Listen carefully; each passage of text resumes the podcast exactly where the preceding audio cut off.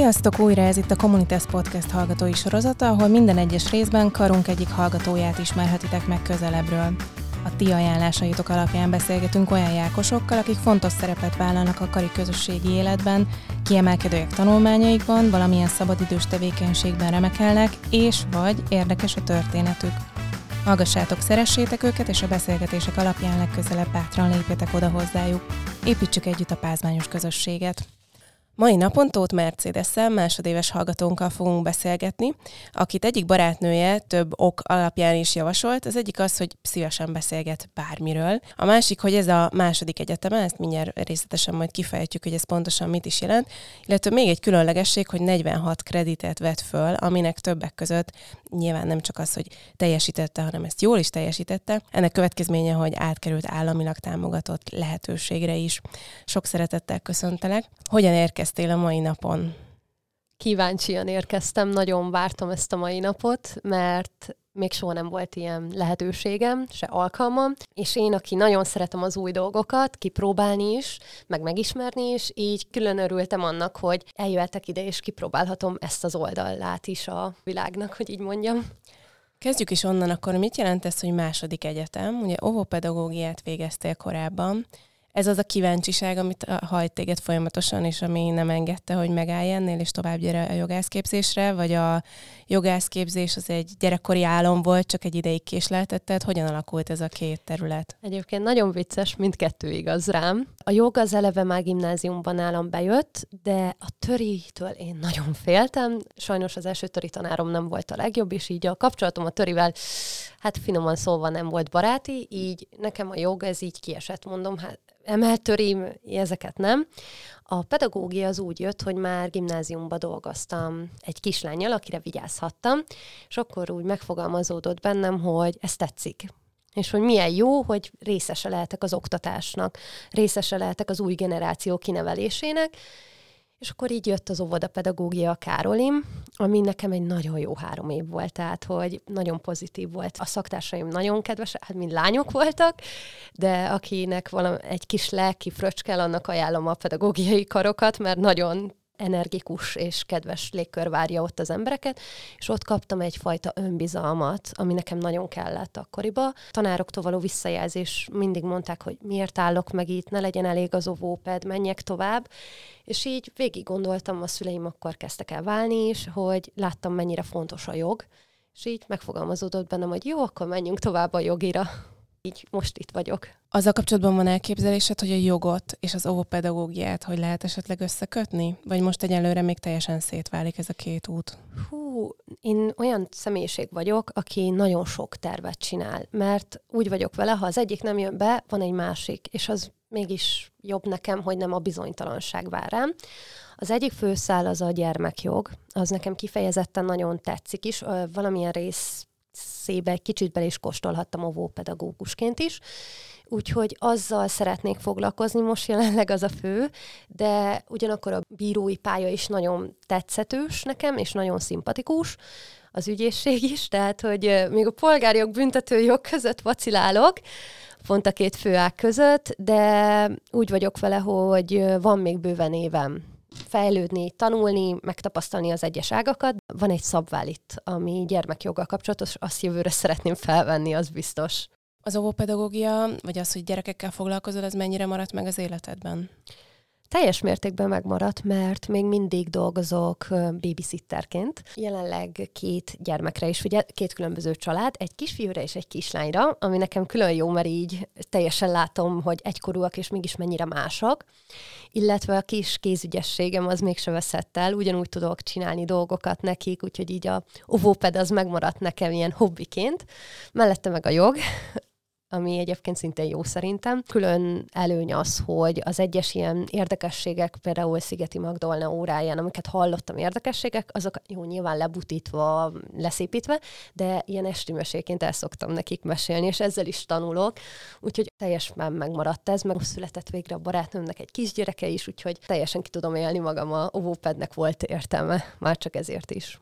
És mesélted azt is korábban, hogy sokszor előfordul az, hogy itt a folyósókon gyártasz ilyen kis kellékeket, amik ahhoz a három kötője hat órához, vagy amennyit velük vagy, szükségesek ahhoz, hogy fent tud tartani a figyelmüket, vagy tényleg tudj foglalkozni velük.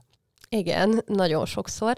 Igyekszek azért nem a leg hogy mondjam, a legtömöttebb helyeken csinálni, igyekszek azért elbújni, hogy így mondjam, de igen, csináltam már új bábút, tehát volt, hogy vartam itt, volt, hogy ragasztóztam, volt, hogy festettem, az mondjuk az érdekes volt, hogy itt festeni, hogy hogy szárítsam meg, mint szárítsam meg, közben óráim vannak, hogy ez egy nagyon nagy fejmunka volt nekem, hogy összerakjam ezeket, de sikerült, és az egy külön jó élmény volt, amikor mesélhettem akár a szüleimnek, a nagyszüleimnek, akár anyukámnak, vagy a gyerekeknek, hogy is képzeld el, én ezt a polgárjog, meg a büntetőjog gyakorlatom előtt csináltam neked.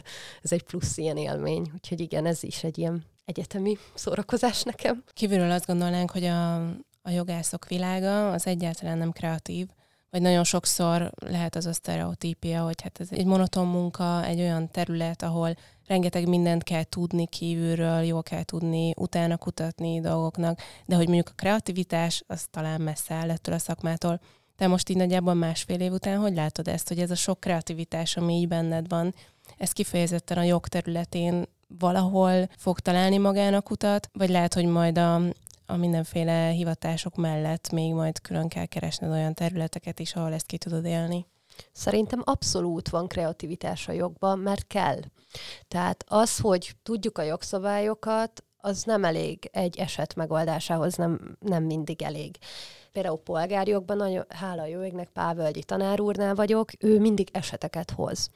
És rengeteg olyan eset volt, ahol tulajdonképpen a kicsit kellett a kreativitás annak érdekében, hogy azt tudjuk mondani, hogy ez az esetet mi nyertük meg a végén. Meg most felvettem a határozatszerkesztést is, ott pedig egy külsős tanár van, egy bíró, tanár úr van, ő a saját eseteit hozza, ott például volt egy kutya kozmetikus eset, ahol ő hozott egy ügyet, ha jól emlékszem, kártérítést kért a kutya kozmetikus a gazdítól, mert a kutya megharapta a kezét, és eléggé súlyos sérüléseket szenvedett, és ő végül úgy ítélte meg, hogy nem jár kártérítés a hölgynek. Én meg szokásom a szíven egyetlen különcként, feltettem a kezem, bátorkodtam, hogy mondtam, hogy nem értek egyet. És mondta, hogy magyarázzam meg. És ott például nekem nagyon kellett a kreativitást előhozni, hogy ez egy kutya kozmetikai helyen volt, ott várható volt, hogy mert egy másik kutya bejött a képbe, és azért harapott a gazdi kutyája és hogy ezt nekem alá kellett támasztam, és itt egyértelműen a kreativitás kellett, nem jogszabályt hoztam, hanem kreativitást, hogy véleményem szerint egy kutyás helyen várható a kutya. És ő erre nem gondolt, és mondta, hogy például, hogyha akkor velem beszél, akkor lehet, hogy másképp hozza a döntést. Úgyhogy szerintem ez az ügy is egyértelműen alátámasztja azt a véleményemet, hogy kell kreativitás. Mondtad, hogy a Károlin végezted el az óvópedagógiát, hogy, hogy nem ott mentél tovább a jogra? Ezt a kis kulisszatitkot elárulom, hogy a maga a pedagógiai karja a Károlinak, és a jogászi karja egyébként egy fél utca választja el őket, tehát van átmenet, főleg a kávé miatt. Úgyhogy igen, és én nagyon szeretem a kávét, úgyhogy így nagyon sokat jártam oda a jogászokhoz, hogy így mondjam, és voltak is barátaim onnan, viszont annak ellenére az a családi légkör, ami megvolt a maga a pedagógiai karon, valahogy a jogi karon én nem éreztem, és ezt remélem nem veszi kritikának senki, aki esetleg hallja onnan, de én nem éreztem azt a kötődést ahhoz az épp, pedig egy régi, gyönyörű épület volt az is, és mindenki kedves volt velem, de valahogy nem éreztem, nem tudom, a portás se volt kedves, vagy nem tudom, nem köszönt rám, vagy nem tudom miért, de nem éreztem. És egyszer volt az, hogy én teljesen véletlenül jártam erre, és akkor láttam kiírva, hogy jogi kar. És és így néztem is, hogy á, akkor ez a pázmány, jó, akkor ez az egyik jogi kar, amiről hallottam. És hát anyukámmal voltam, és anyukámmal van egy olyan szokásunk, hogy mi nézzük a szép épületeket, és hát az egyetemünkről az elmondható, hogy gyönyörű kívülről, belülről is mondjuk, de kívülről nagyon megfogja a tekintetet, és kijött az egyik portás úr, és mondta, hogy ha már nézzük kívülről, menjünk be nyugodtan, és nézzünk körbe.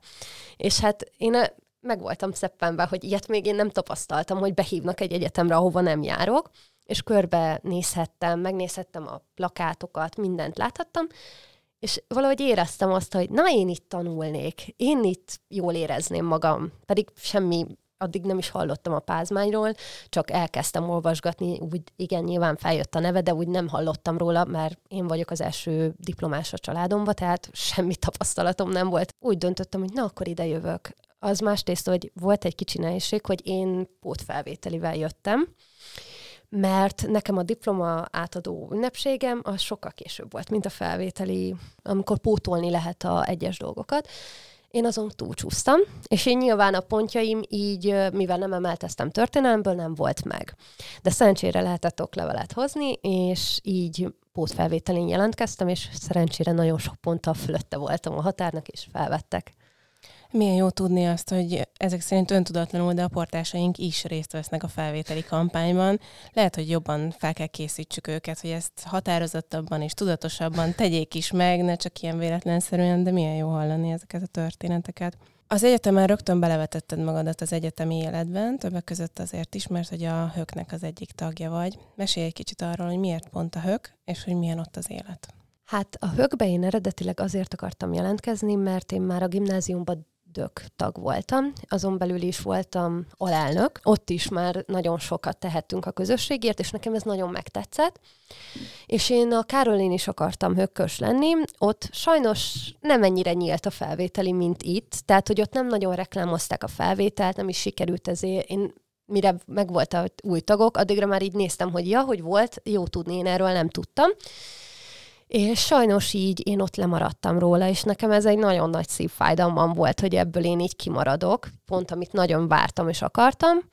Úgyhogy itt egyértelmű volt számomra, hogy na, itt viszont jelentkezek, ha kell, húszszor is, hogy felvegyenek, de ja, szerencsére végül elsőre felvettek, amit nek nagyon örülök, mert megmondom őszintén, én nekem voltak ilyen rém hiedelmeim, ilyen barátnőimtől, hogy hát a högtől vigyázzál, mert ott sokat isznak, buliznak, te nem vagy olyan, én nem iszok, tehát hogy így ez így egyértelműen kicsit ijesztő volt, de pozitívan csalódtam. Egyáltalán nem voltak ezek igazak. Egy nagyon jó közösség van itt szerintem a hökkön belül is, nagyon jó maga az elnökségünk is, én alapjáratom most a kulturális, meg a szociális bizottságban vagyok. Mindkettőnek nagyon aranyos, kedves vezetői vannak, és nagyon is kedvelem őket, és nagyon jó munkákat kapunk. Tehát én nagyon szeretek például javítgatni ilyen kérvényeket. Én a kultúr pedig szervezni dolgokat, az már nekem nagyon nagy előny, meg kommunikáció a tanárokkal, például te a délután szervezni, úgyhogy nagyon jó közösség, mindenkinek ajánlom a hökköt.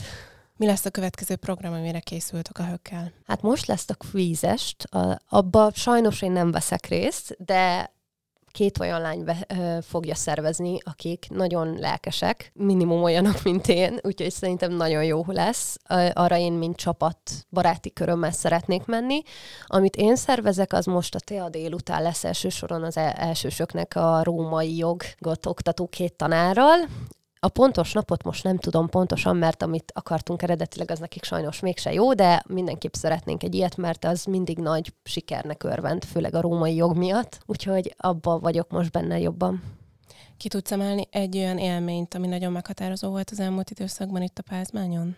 Mm, hogyha az ilyen nagyon meghatározó kéne mondanom, én nekem egyébként nagyon vicces, de nekem a nyílt nap. Amikor először nyílt napon, mint hökkös vehettem részt, hökkös pulcsiba, pólóba, és emlékszem, hogy pont római jog volt, és nekünk a feléről el kellett menni, és hát Erdődi tanár úr tartotta, szerintem nem kell bemutatnom, hogy ő azért van egy kiállása a tanár úrnak, és rendesen így gondolkodtunk a hökös társaimmal, hogy hogy szokjunk ki, pad alatt, hogy menjünk, és akkor így már mentünk ilyen lapos csúszásba ki, és akkor így mondta a tanár úr, hogy maguk hökösök menjenek, csak nyugodtan nyílt nap van. És ez, ez nekem vicces volt, nagyon, meg alapjáraton az gólyák, tehát, hogy egy teljesen más szemszög, hogy ami voltam én, most ők azok, hogy nem tudják, mit akarnak, hova jönnek, mint kérdeznek, és nagyon jó érzés volt, hogy tudtam segíteni nekik, és mondani, és láttam rajtuk, hogy tényleg hálásak, és tudtam nekik abba segíteni, hogy ide jöjjenek. Tehát, hogy az nekem egy nagyon jó, jó leső mondat volt, amikor az egyik, hát most már egyébként gólyánk, tehát felvették ide, azt mondta, hogy már csak miattam is akar ide jönni, mert hogyha ilyen segítőkész a hökkösök, akkor biztos nagyon jó az egyetem is. Úgyhogy ez nekem nagyon jól esett, hogy ebben részt vehettem. Ezt nagyon jó hallani. Az a benyomásom rólad, hogy sokat tanulhatsz, vagy nagyon-nagyon jó tanulási technikád van, vagy a kettő együtt. Szóval tudsz olyan tippet megosztani a hallgatóinknak, ami lehet, hogy nekik is segítség lehet a tanulásban? Hát rám mindkettő igaz. Én Stréber típusú vagyok, tehát én nagyon sokat tanulok, de én általában túl tanulok. Tehát, hogy nem feltétlen azt tanulom csak meg, ami kell a vizsgára vagy anyagra, hanem ami engem is érdekel, vagy szüleim vállása még mindig tart, esetleg anyának felmerül egy kérdése, akkor nyilván én a PTK-t kicsit előrébb olvasom a családjogi részhez. De ami tipp nekem bevált, a telefont, meg minden ilyen technikát nagyon tegyetek el, de tényleg. Meg nekem az vált be, hogy én nagyon kihúzok mindent, de úgy, hogy tematikusan, ilyen színek. Van egy színskálám, például a citromsárga nálam a definíció, a rózsaszín a fontos, a lila meg az a kell tudni, de nem szó szerint, de azért jó, ha tudod, és még van 800 millió más szín, tehát hogy én sok színt használok, de azzal is, hogy az agyammal gondolkozok, na ezt milyen színnel húzzam ki, azzal is valamilyen szinten rögzítem a tananyag anyagot, elvégre egy kicsit rendszerezem a polcaimat, és utána elkezdem újraolvasni, ami pedig nagyon nem megy, idegen szavak, latin például, én azt kiszoktam írni kézzel, és akár többször is, és mellé is csinálok ábrát is, tehát hogy én ilyen szerteágazó technika, de nekem ez jött be, hogy kihúzom őket ilyen színskálával, aztán újra újra olvasom és írok mellé kézzel. Reméljük, akkor ezek segítettek valakinek itt lassan a időszak előtt tulajdonképpen, még azért a szorgalmi időszakban is lehet használt venni ezeknek a tippeknek. Meg kell is. Tehát ö, nagyon sok tantárgy van, amit ha én elkezdtem volna csak vizsgai időszakba tanulni, biztos, hogy megbukok. E, igen, az fontos, én még egyszer se buktam. Ez egy fontos jelző és általában nagyon jó jegyekkel is távozok a vizsgákról szerencsére. Remélem, hogy ez mostani vizsgaidőszakban is megmarad, de na, például a római jogot, büntetőt, polgárjogot, jó másodéves vagyok, még csak most jött be a polgárjog meg a büntetőjog, de az biztos, hogy ezek mind olyan tantárgyak, amit nem lehet úgy, a vizsgaidőszakban majd megtanulom sok tanulás, hök és a, az egyéb munka mellett, itt a babysitterkedésre gondolok, van még időd valahol töltődni, kikapcsolódni, vagy tulajdonképpen ezek számodra mind egyenlőek azzal is, hogy ez alatt töltődsz? A gyermekvigyázást én egyértelműen azért töltődésnek mondanám, mert így a gyermek így ki énemhez mindig visszanyúlhatok. Tehát, hogy én lehetek gyerek, van egy hely, ahol lehetek gyerek.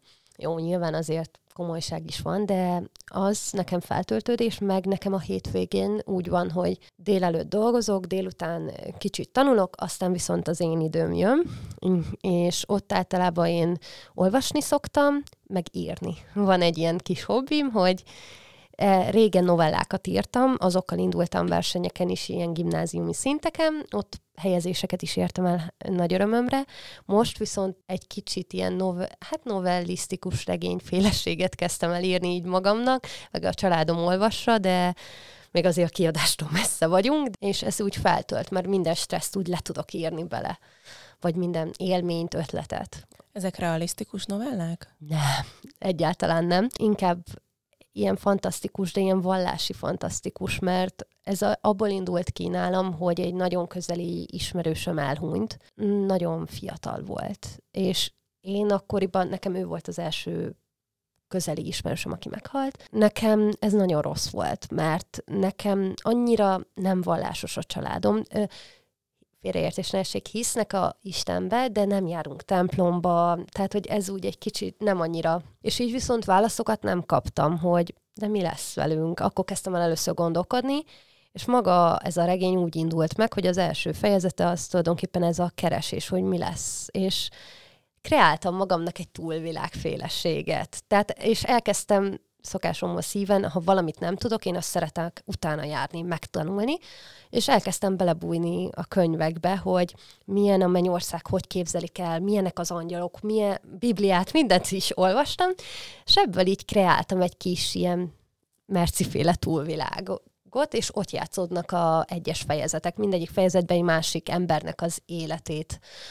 részben realisztikus emberről mintázva, részben pedig csak általam olvasott személy, az is végül is ő is létező, csak én nem ismerem személyesen, ő neki az életét írom le, hogy ő mit gondoltott az ő szemszögéből és igyekszek azért valami bölcsességet, amit így évek során felszettem, vagy hallottam a családomtól beletenni. Picit be tudsz avatni ebben, hogy milyen ez a világ, vagy mik a legfőbb jellemzői? Hát maga a címe az vonatállomás, szerintem ezzel elmondok mindent. Alapjáraton én úgy képzeltem el, hogy van egy vonatállomás, és mindenki oda érkezik, és két vonatsim van. Egyik vonat nyilván lefelé megy, másik fölfelé, hogy szépen fogalmazzak. Ebbe a világban vannak ilyen ajtók is, mindegyik ajtó egyik a időhöz vezet, hogy ki, van egy például egy szoba, ahol csak ilyen szekrények vannak, amiken homokórák vannak, és mindegyiken ott vannak a neveink. Ezen nyilván én azt akartam mutatni, hogy mindenkinek előre meg van határozva az ideje, és az pereg szépen lassan. Meg vannak kalauzok, ők az arkangyalok, tulajdonképpen. Hát nyilván a fő karakter Gabriel, és ő az, aki a legjobban így vezeti a lelkeket az útra, hogy rájön, mert általában van, hogy emlékezet nélkül jönnek a trauma miatt, és akkor rá kell vezetni, szépen lassan fel kell dolgozni. Az egyik fejezetemben például pont szándékosan egy gyilkos van, aki viszont semmi megbánás nem mutat, és ő neki például az egész fejezet arra épül, hogy vajon megérti-e valaha, hogy mennyi szenvedést okozott, hogy ez milyen érzés, ha átéli. Erre próbálja rávezetni Gabriel, ez több-kevesebb sikerrel, meg van egy másik fejezet, ahol például az első nagy szerelmét elvesztett lány van főszerepbe, aki az a közben hal meg, hogy próbálja megmenteni a szerelmét, ami sajnos nem sikerül, de eleve neki a szülei eléggé, igen, akkoriban összevesztem a szüleimmel pont, úgyhogy ez látszódik is, hogy, hogy a szülei nem törődnek vele, nem hallgatnak rá semmi ízé, és hogy ezt hogy dolgozza fel, hogy segíti egy külsős ember ebbe való feldolgozását. Meg van, hogy egy kisfiú kerül oda, hogy kinek fáj jobban a szülőnek vagy a gyermeknek, maga a feldolgozás, hogy mennyivel másképp fogja fel a halált egy gyermek, mint egy felnőtt, van egy ilyen fejezetem is. Ott kifejezetten egyébként a általam vigyáz ez ott kisfiú adott tikletet, hogy neki meghalt a nagypapája. És a szülők, mond, ők sokat dolgoznak, kértek, hogy valahogy segítsek neki feldolgozni ezt. Jobban feldolgoztam, mint én valaha. Tehát, hogy hihetetlen mennyivel másképp fogják fel ezeket a dolgokat, és mennyire pozitívabbak még. És én pont ezt akartam belevenni, úgyhogy azt, az az ő nagy segítsége volt. De van például olyan fejezet, ami meg az egyik ilyen nagyon tragikus gyilkosságot dolgozom fel, ami nekem eléggé felkavaró volt, amikor a kisfiút a saját mostoanyja két emberrel eltemettetett. Az nekem egy élve, az nekem nagyon rossz volt, azt nekem fel kellett dolgoznom, mert nekem az úgy kicsit a lelkemnek fájt, hogy így ilyenek vannak a világban. De volt olyan is, hogy a anyukám apukájának a testvérének a legjobb barátja repülőbalesetbe hunyt el. És én őt nagyon kedveltem, tehát hiába nem volt annyira családtag, én nagyon szerettem őt, az ő történetét beletettem ebben, mert hogy ő egyébként rákos is volt, tehát, hogy ő neki alapjáraton eleve meg voltak számlálva az idejei, de az, hogy úgymond a sors elvette tőle, ez nekem annyira tragikus, fájdalmas volt, hogy ez csúnya vagy nem csúnya, megfogta a fantáziámat, és ezt is leírtam például, hogy az egyik történet, ez pont erre épül, hogy az a kis idő, ami van, az mennyire értékes tud lenni. Nagyon izgalmasak ezek a történetek. Most itt eszembe jutott a legutolsó történetnél akár az, hogy ez hogy kapcsolódhat a homokórához, hogy akkor itt most valakinek kicserélték a homokóráját, vagy dupla homokóra van, vagy hogy mert ugye mondtad, hogy hát amúgy is meghatározott az ideje a betegség miatt, de hogy aztán jön előtte valami, Nyilván ezek olyan dolgok, amire nincsen válasz, csak hogy itt a fantáziát tovább. Hát az egyikben egyébként van ilyen dolog, hogy mi történik, ha az órákkal babrál egy, mert az egyik arkangyalt én direkt ö, egy kislányként ábrázolom, nem árulom el melyik szándékosan, de ő például az egyik fejezetben azt csinálja, hogy nagyon szimpatikus lesz neki egy anyuka, aki egyedül neveli a kislányát, viszont látja, hogy a órája pereg az anyukának és fogja magát, és kicseréli egy rossz, általa megítélt rossz emberrel. És hogy ez mennyire nagy galibát tud okozni, hogy mennyire nem mindegy, hogy ami megvan írva, az úgy történjen. Úgyhogy igen, ezt Nagyon. így eltaláltad, hogy az egyikben van ilyen is. Nagyon izgalmas. Egyébként azt téged foglalkoztat, hogy ez mennyire kapcsolódik tényleg a valósághoz, vagy mondjuk teológiai szempontból mennyire állják meg a helyüket ezek az elképzelések. Nyilván mi se tudunk mindent, illetve a teológusok sem, de hogy ez izgat-e, vagy itt, itt ez az átjárhatóság az, amitől ez fűszerezett tud lenni, hogy, hogy utána is jártál, utána is olvastál, de azért benne vannak a te fantáziáid is. Alapjáraton ez kettős dolog nekem. Maga a kalauzok karakterei, az egyértelműen próbáltam nagyon hű lenni a teológiához, tehát igyekeztem azért hű lenni ahhoz, hogy az egyes arkangyaloknak ugye vannak bizonyos területei, amibe ért, és az, azt igyekeztem nekik megtartani. Tehát például ugye Gabrielnek alapjáraton az útmutatás, híradás, ezek voltak, és az ő karakter egyébként ebben is van, mert utat mutat a lelkeknek, és ugyanakkor közöl híreket is, ami megnyugvást ad egy adott léleknek. Például van egy bolyongó lélek is, akit nagyon sokáig csak egy sarokba ül, és van egy kocsma is, ma mindegy, és ott sarokba ül, és sörözget. És senki nem tudja, hogy van-e vonatjegye, hova megy, mint megy, csak ül.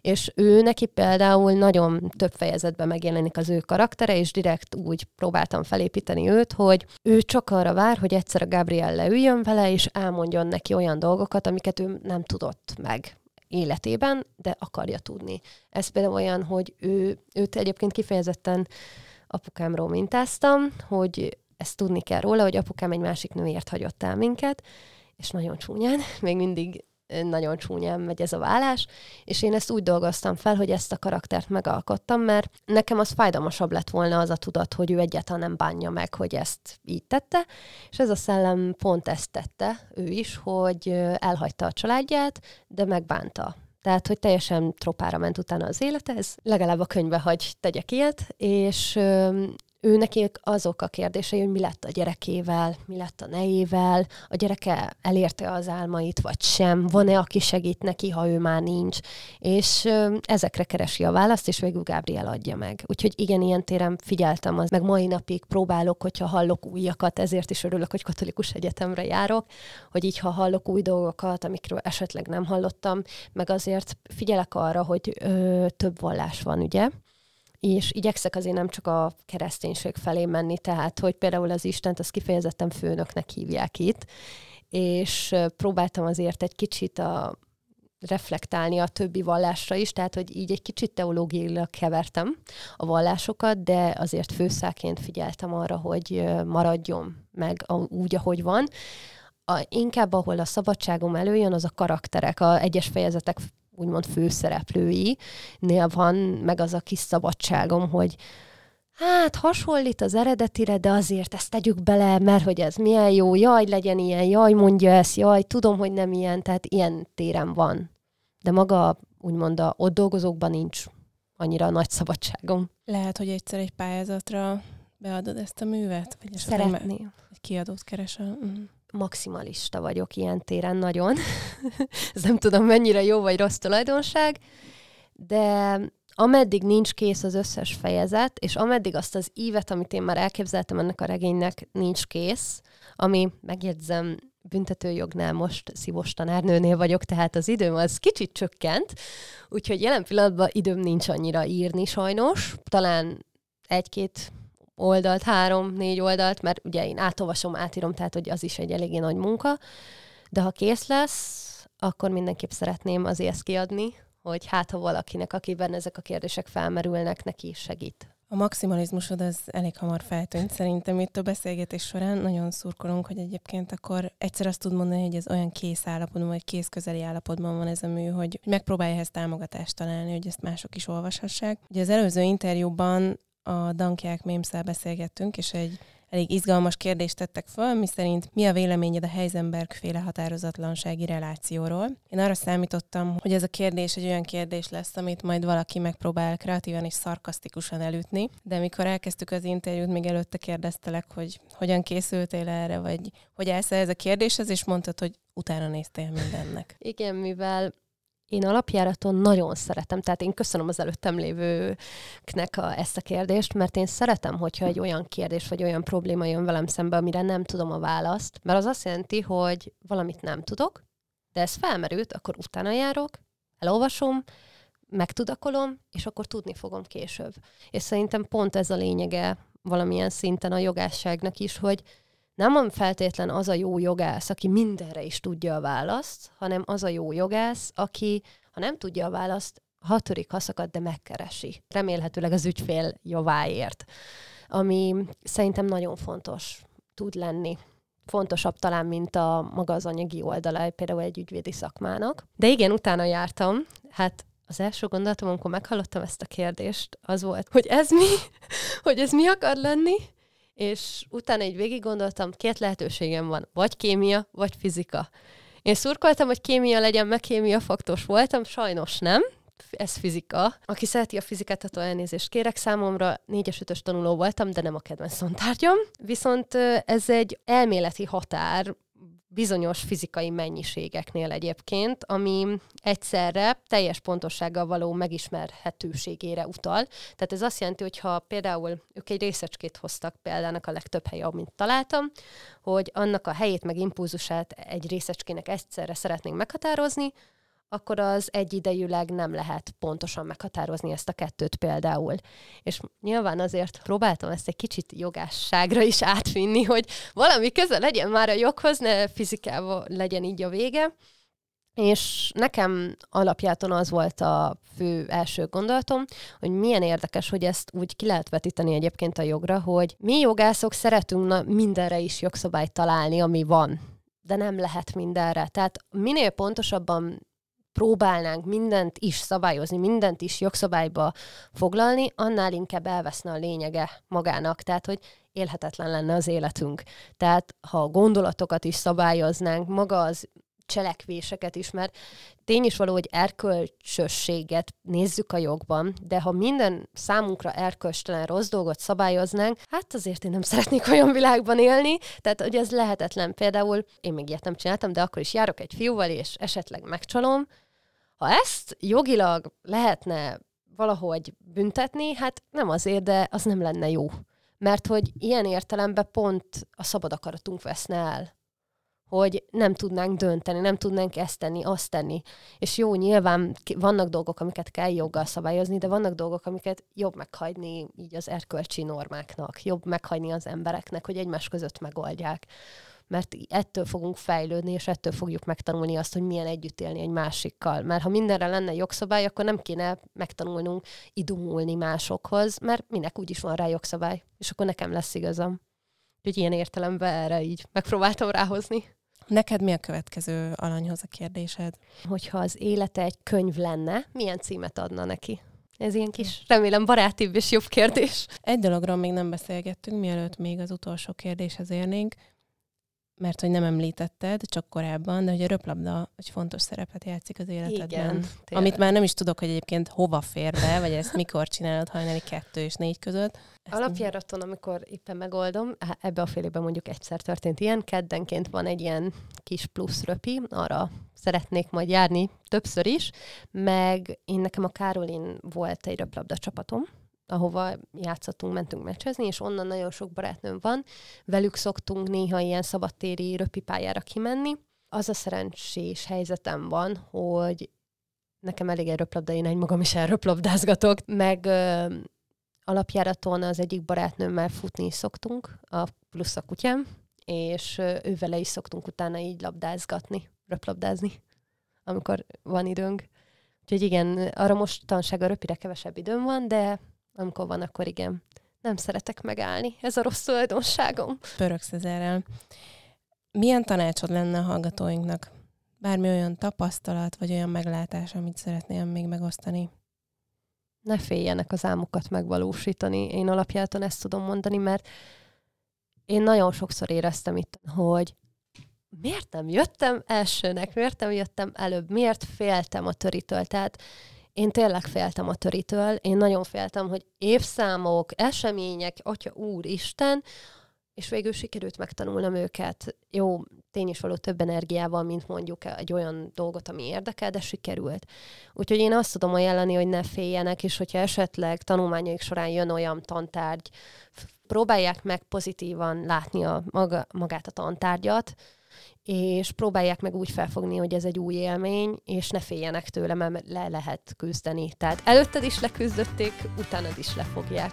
Köszönjük, hogy velünk tartottatok. A kommunikációkukaciak.ppk.hu e-mail címen vagy közösségi média felületeinken ti is jelezhetitek, hogy szerintetek kinek a történetét lenne érdemes megismerni. Köszönöm, Merci, hogy itt voltál, és meséltél magadról, jó tanácsokat adtál, reméljük, hogy ezt meg is tudják fogadni majd a hallgatók. Legyen szép napotok, sziasztok! Sziasztok!